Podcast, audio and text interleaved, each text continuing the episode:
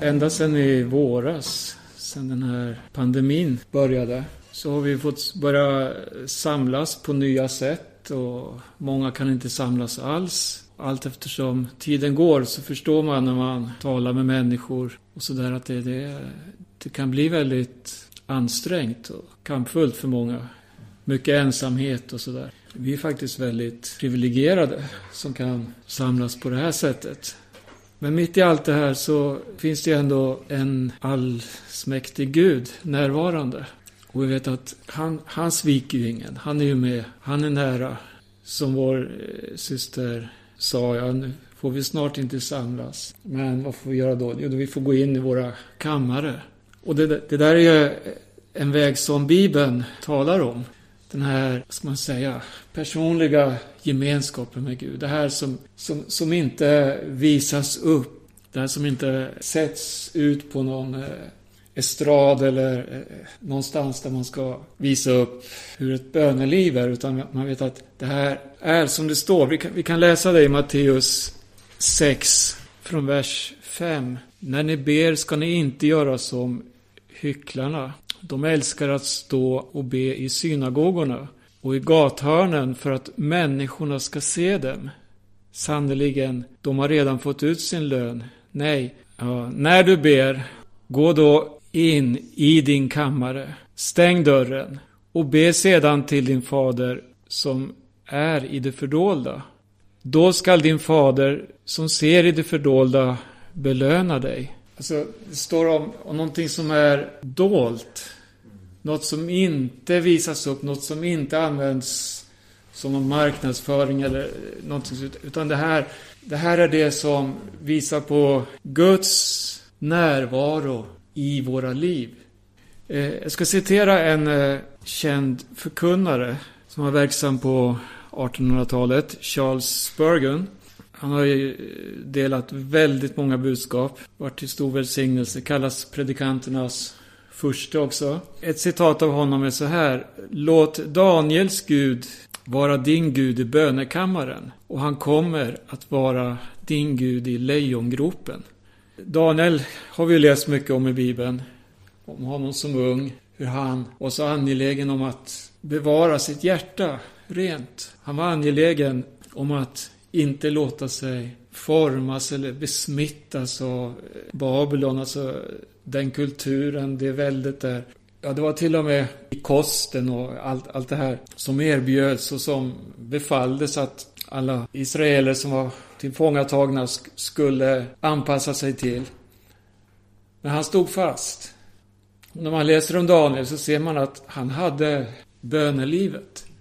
Tre gånger om dagen öppnade han fönstret mot Jerusalem. Där han satt i Babylon. Tre gånger om dagen så böjde han sina knän och bad till Gud. Jag vill läsa eh, en vers också Jesaja kapitel 40. Just det här, ja, man, man ser något av hur viktigt det är med att verkligen vårda, ta vård om sitt inre liv.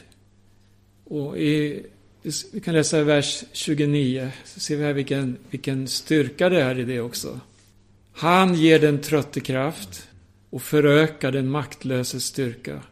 Ynglingar kan bli trötta och utmattas och unga män kan falla. Men de som väntar efter Herren hämtar ny kraft. De får nya vingfjädrar som örnarna. Så skyndar de iväg utan att mattas. De färdas fram utan att bli trötta. Och när jag läser den här versen här, det, det, det är som att se Daniels liv. Om man följer honom. Från det han var 15-16 år ung, bortförd till, till det här nya väldiga riket och Babylon. Och till dess, man kan se hur han överlever flera kungar. Och hur han får vara ett redskap för Gud. Men han har den här skärpan kvar hela tiden. Den här klarsynen om vad det är som händer. För han, just, det var inget speciellt med Daniel så, men, men det han bar på, den Gud som dominerade hans liv. Det var en hemlighet. Så, så eh, gå in i din kammare, läste vi. Där ska Gud som ser i det fördolda löna dig eller svara. Och jag vet att det här kan vara svårt många gånger. Det är så mycket stress ändå trots att vi är avskärmade. Och det är så mycket annat som pockar på hela tiden och bekymmer och så vidare. Men ändå, tänk att, att få ropa till Gud i allt. Att få sucka till Gud, att få tacka Gud. Och veta, även om ingen annan hör eller förstår eller vet om allt, så, så vet jag ändå att han är alltid närvarande. Och på ett sätt är det också eh, svårt att förstå. Jag menar, Gud som har skapat allt, som är allsmäktig, som är upphovsmannen till allt vi ser runt omkring oss. Ska han ha tid att lyssna på mina problem, på mitt? Men Bibeln säger det att han vill ha den gemenskapen med oss. Han vill att vi ska ha det här förtroendet och den här relationen till honom. För, det, för när vi är ensamma, då, då har vi ingenting att visa upp. Utan då, då är vi bara den vi är och vi har vårt hopp till honom. Jag vill använda en bild utifrån eh, en händelse då i Gamla Testamentet, i Fjärde Mosebok. Det här är när eh, Israels barn, de har befunnit sig en tid i öknen och ska så småningom då vidare till eh, det land som Gud hade lovat. Men det händer oerhört mycket i öknen där. Först har vi ju, ja, innan man lämnade Egypten så, så var man ju från början då bara en familj. Jakob och hans söner och deras tjänstefolk, deras familjer. Men nu har man blivit ett folk. Men man ser ändå här hur Jakobs söner och deras släkter nu då har, har växt till och man har blivit många. Men man har en väldig ordning på vilken familj man tillhör, vilken gren av, av, ja, av släkten då. Och, och här står det i fjärde kapitlet om tre olika familjer som är Levis söner. Det finns en lång historia till eh, att de här familjerna då fick just den här positionen.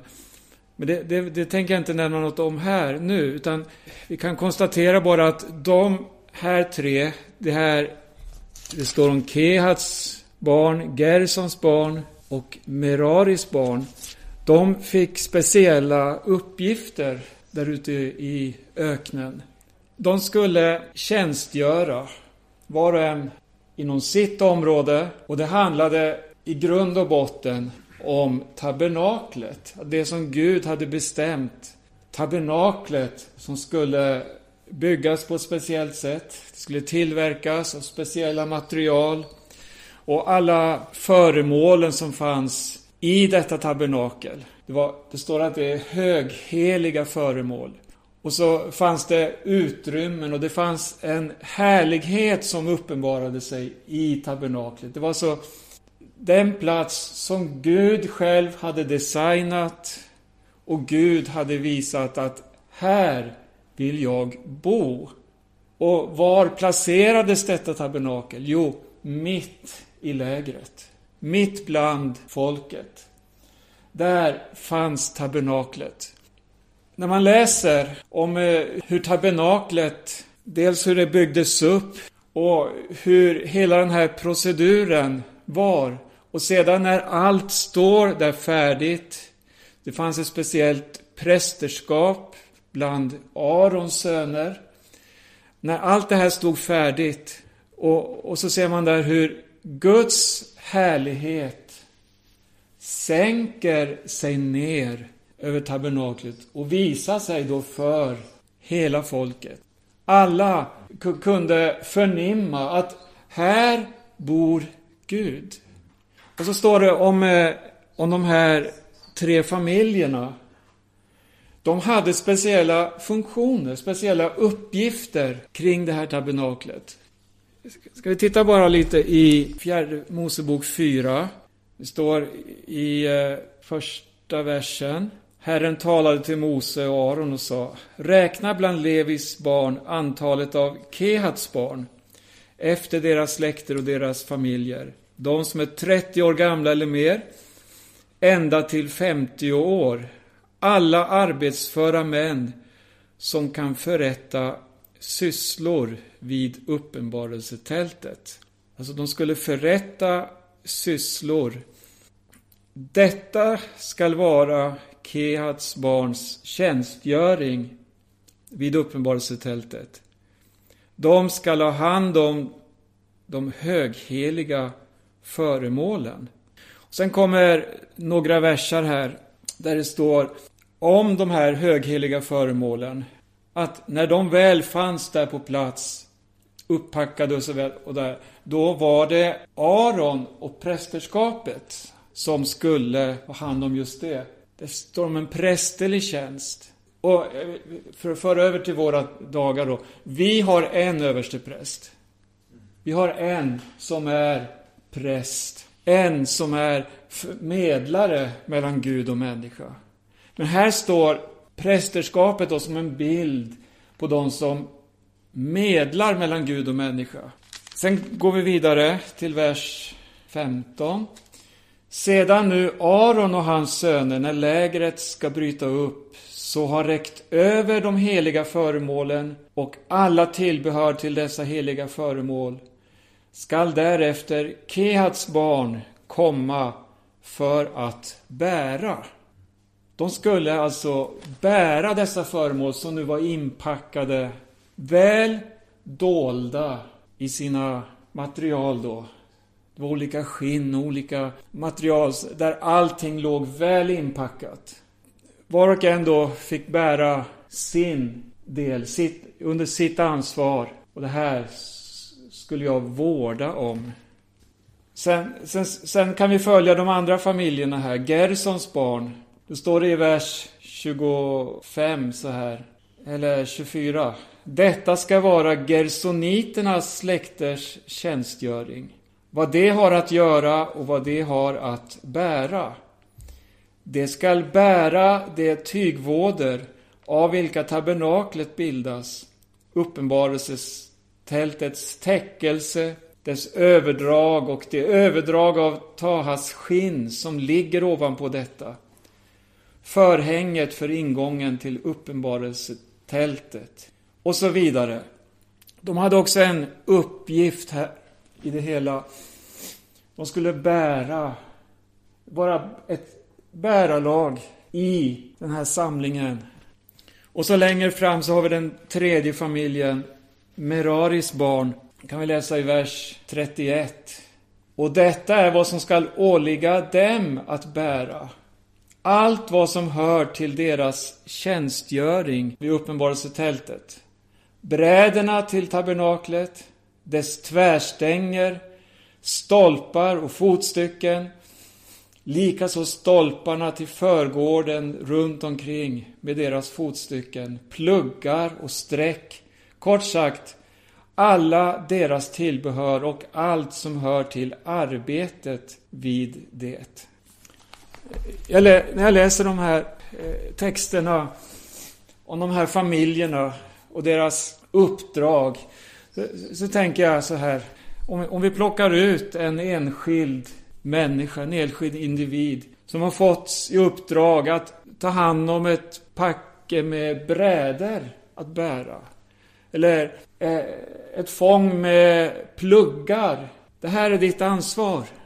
Och, och, och, och, och plockar man då ut det här ur sammanhanget, ut ur helheten, då kan det se väldigt meningslöst ut. Väldigt svårt att förstå. Men varför ska jag gå omkring och bära en planka för? Jag har ju så mycket annat jag vill göra i mitt liv. Jag vill uppnå så höga ideal. Jag vill nå fram och, och bli någonting annat. På ett sätt så drar jag parallellen av det här till det här fördolda livet med Gud. För när man är i Guds närhet, när man, när man låter Gud få tala i sin kammare, då är det som att han hjälper oss att se, att förstå, att kunna tyda saker och ting som händer. Framförallt kanske att förstå hur stort det är med hans församling i tiden. Alltså med kroppen, med helheten. För jag är en person. Jag är inte Stig-Erik. Jag är inte någon annan av oss här. Men jag vet att jag är en person och Gud har lagt ner någonting i mitt liv som jag har ansvar för. Som jag är bärare utav, som jag ska ta vård om. Och så är det med oss var och en. Men då blir det en lucka här och en lucka där, ja då, då blir det problem. Men tänk att, vi, tänk att vi var och en på det här sättet får på ett sätt vara hjälplösa och på ett annat sätt så beroende av varandra. Herre, bind oss samman i bönen. Herre, håll oss samman kring dig. Så att vi verkligen får se vad det är som bör prioriteras, vad som är viktigast. Hur vi ska gå vidare i dessa tider av pandemi. När vi kanske vill så mycket, men vi står här och kan inte. Vi blir begränsade. Och vi, ser, vi möts av människor från olika håll som bär på samma kamp, men kanske ännu svårare. Som är helt ensamma.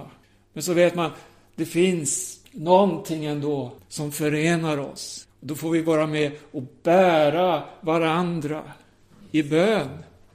Bära varandra i omsorg och omtanke. Genom eh, kanske ett telefonsamtal. Genom eh, olika medier. På olika sätt.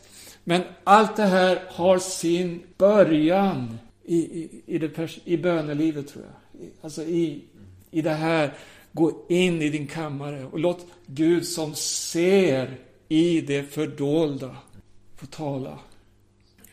Ja, det är lite sådana tankar jag har. Det, här, det står i Bibeln om Jesus har en liknelse om änkan. En änka som krävde sin rätt inför en orättfärdig domare. Hon kom åter och åter och åter till domaren och till slut så gav han änkan rätt för att bli kvitt henne helt enkelt. Men Jesus säger så här, som denna änka, så ska ni bedja. Så du behöver inte vara rädd att bli tjatig inför Gud. Du behöver inte vara rädd och på, liksom, tycka att nu ber du för mycket eller så. Utan var ärlig. Kom inför honom. Han som ser i det fördolda. Och be att han får forma dina tankar. Be att han får forma ditt liv. Får fylla dig med sin helige Ande. Det är stort. Det är en förutsättning. Att få vara ett tempel åt den helige Ande. Sen har vi motsatsen. Vad är det? det änkan. Vad representerar en änka? En fattig änka. Fattigdom, beroende av hjälp. Det, det, det, Bibeln lyfter fram. Jesus ta, visar också på en annan änka som bar fram en skärv och la det som offer i templet. Hen, henne lyfter Jesus också fram som ett föredöme. Men sen har vi motsatsen, där Bibeln talar om, ta kvinnan i Uppenbarelseboken. Det är stor, eh, vad ska man säga, överdådigt. Det är lyx. Det, det, det är sånt som människor vill ha. Det handlar om materialism. Det handlar om rikedom och ära. Det handlar om någonting att visa upp. Det står om den kvinnan att hon var klädd i den här rikedomen, alltså i guld och så vidare. Men vad fanns det, alltså grunden för den här rikedomen? Vad var det inre livet? När vi läste om tabernaklet, det yttre, det såg ut som ingenting. Ett grått tält ute i öknen. Där kan väl ingen Gud vilja bo? Men vad hade kvinnan? som vi läser om i Uppenbarelseboken, det var allt det här stora, rika, mäktiga, purpur och scharlakan, ja. Allt det här som representerar makt. Men allt det där, yttre, det är inte det som är det väsentliga, utan det är först och främst det inre. Tabernaklet hade Guds härlighet som visade sig när Gud uppenbarade sig och talade till folket och angav eh, inriktningen. Kvinnan i Uppenbarelseboken, vad var den uppfylld av? Alltså det här som, som yttre såg så stort och förföriskt ut. Det var bara elände och ondska.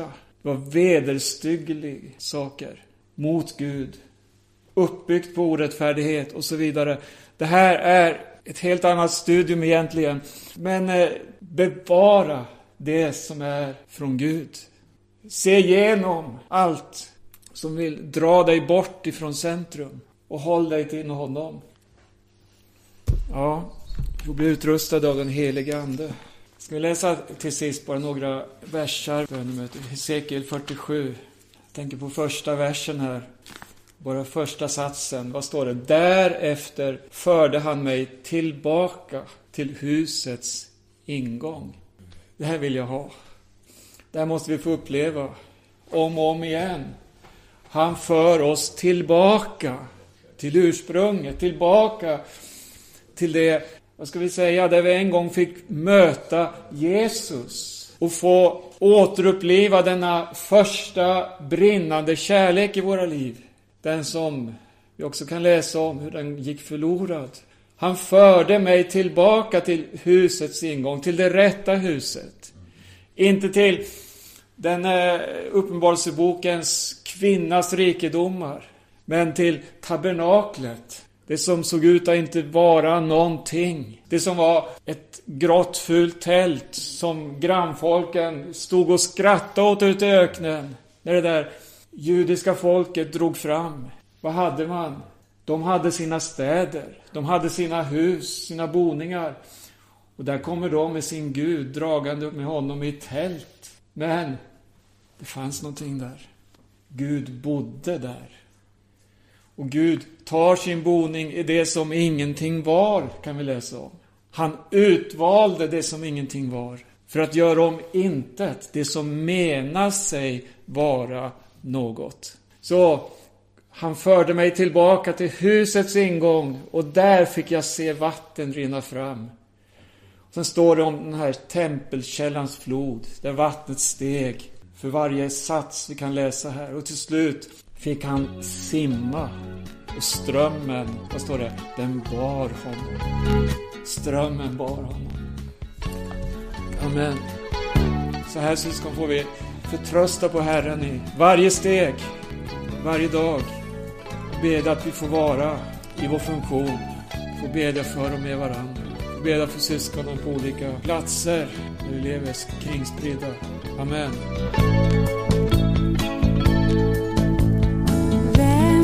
Skilja dig från Kristi kärlek? Månne ångest och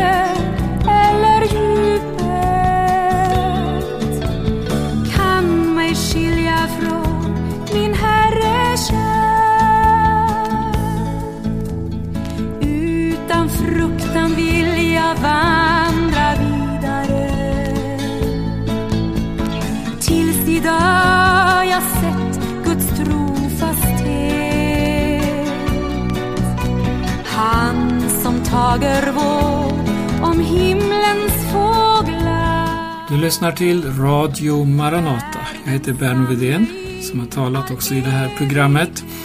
Och vi har Kristina Imsen sjunga Vem kan skilja dig från Kristi kärlek?